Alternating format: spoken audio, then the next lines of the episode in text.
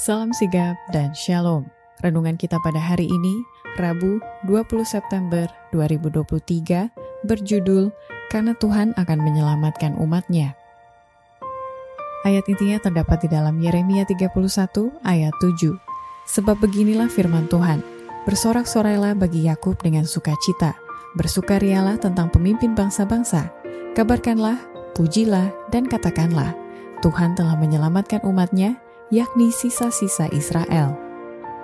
Pena Inspirasi menuliskan yang dimaksud dengan judul renungan kita pagi ini, karena Tuhan akan menyelamatkan umatnya, adalah sebuah panggilan kehidupan yang praktis agar kita senantiasa tetap berusaha untuk dengungkan suara yang menyenangkan sebagai faktor yang menunjang kebahagiaan sejati dan sarana untuk memulihkan hubungan kita secara vertikal kepada Tuhan dan horizontal dengan sesama sebagai berikut. Pertama, karena Tuhan akan menyelamatkan umatnya, maka itu Yesus mati demi keselamatan manusia dan di hadapan seluruh alam semesta untuk membenarkan Allah dan putranya. Tindakan Kristus untuk mati demi keselamatan manusia bukan saja membukakan surga bagi manusia, tetapi juga di hadapan seluruh alam semesta, hal itu akan membenarkan Allah dan putranya dalam tindakan mereka terhadap pemberontakan setan.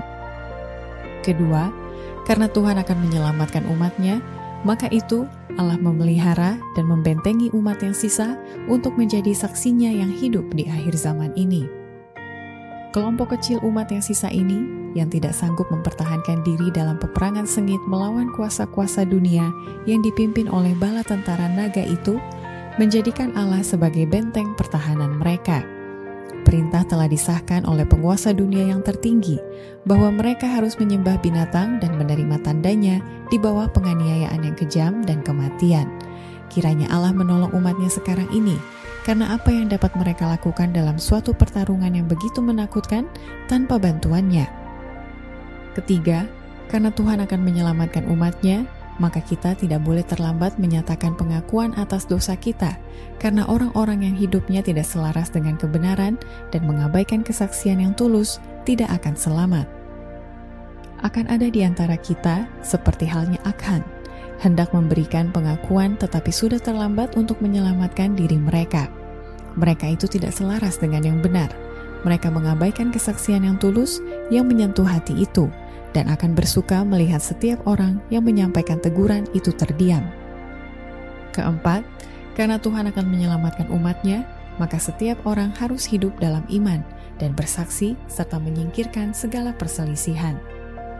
Biarlah orang-orang Kristen menyingkirkan segala perselisihan dan menyerahkan diri kepada Allah demi menyelamatkan yang tersesat hendaklah mereka meminta dalam iman akan berkat yang dijanjikan itu, maka berkat itu akan datang.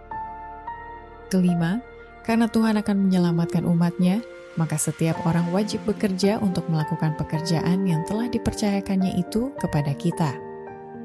Tetapi Allah tidak akan menyelamatkan kita jika kita tidak berusaha apa-apa untuk melakukan pekerjaan yang telah dipercayakan kepada kita. Sebagai penjaga-penjaga yang setia, kamu harus melihat pedang itu terhunus dan memberikan amaran agar pria dan wanita tidak mengejar suatu hal dalam kebodohan yang akan mereka hindari kalau mereka sudah mengenal kebenaran. Demikianlah renungan kita pada hari ini. Kiranya Tuhan memberkati kita semua.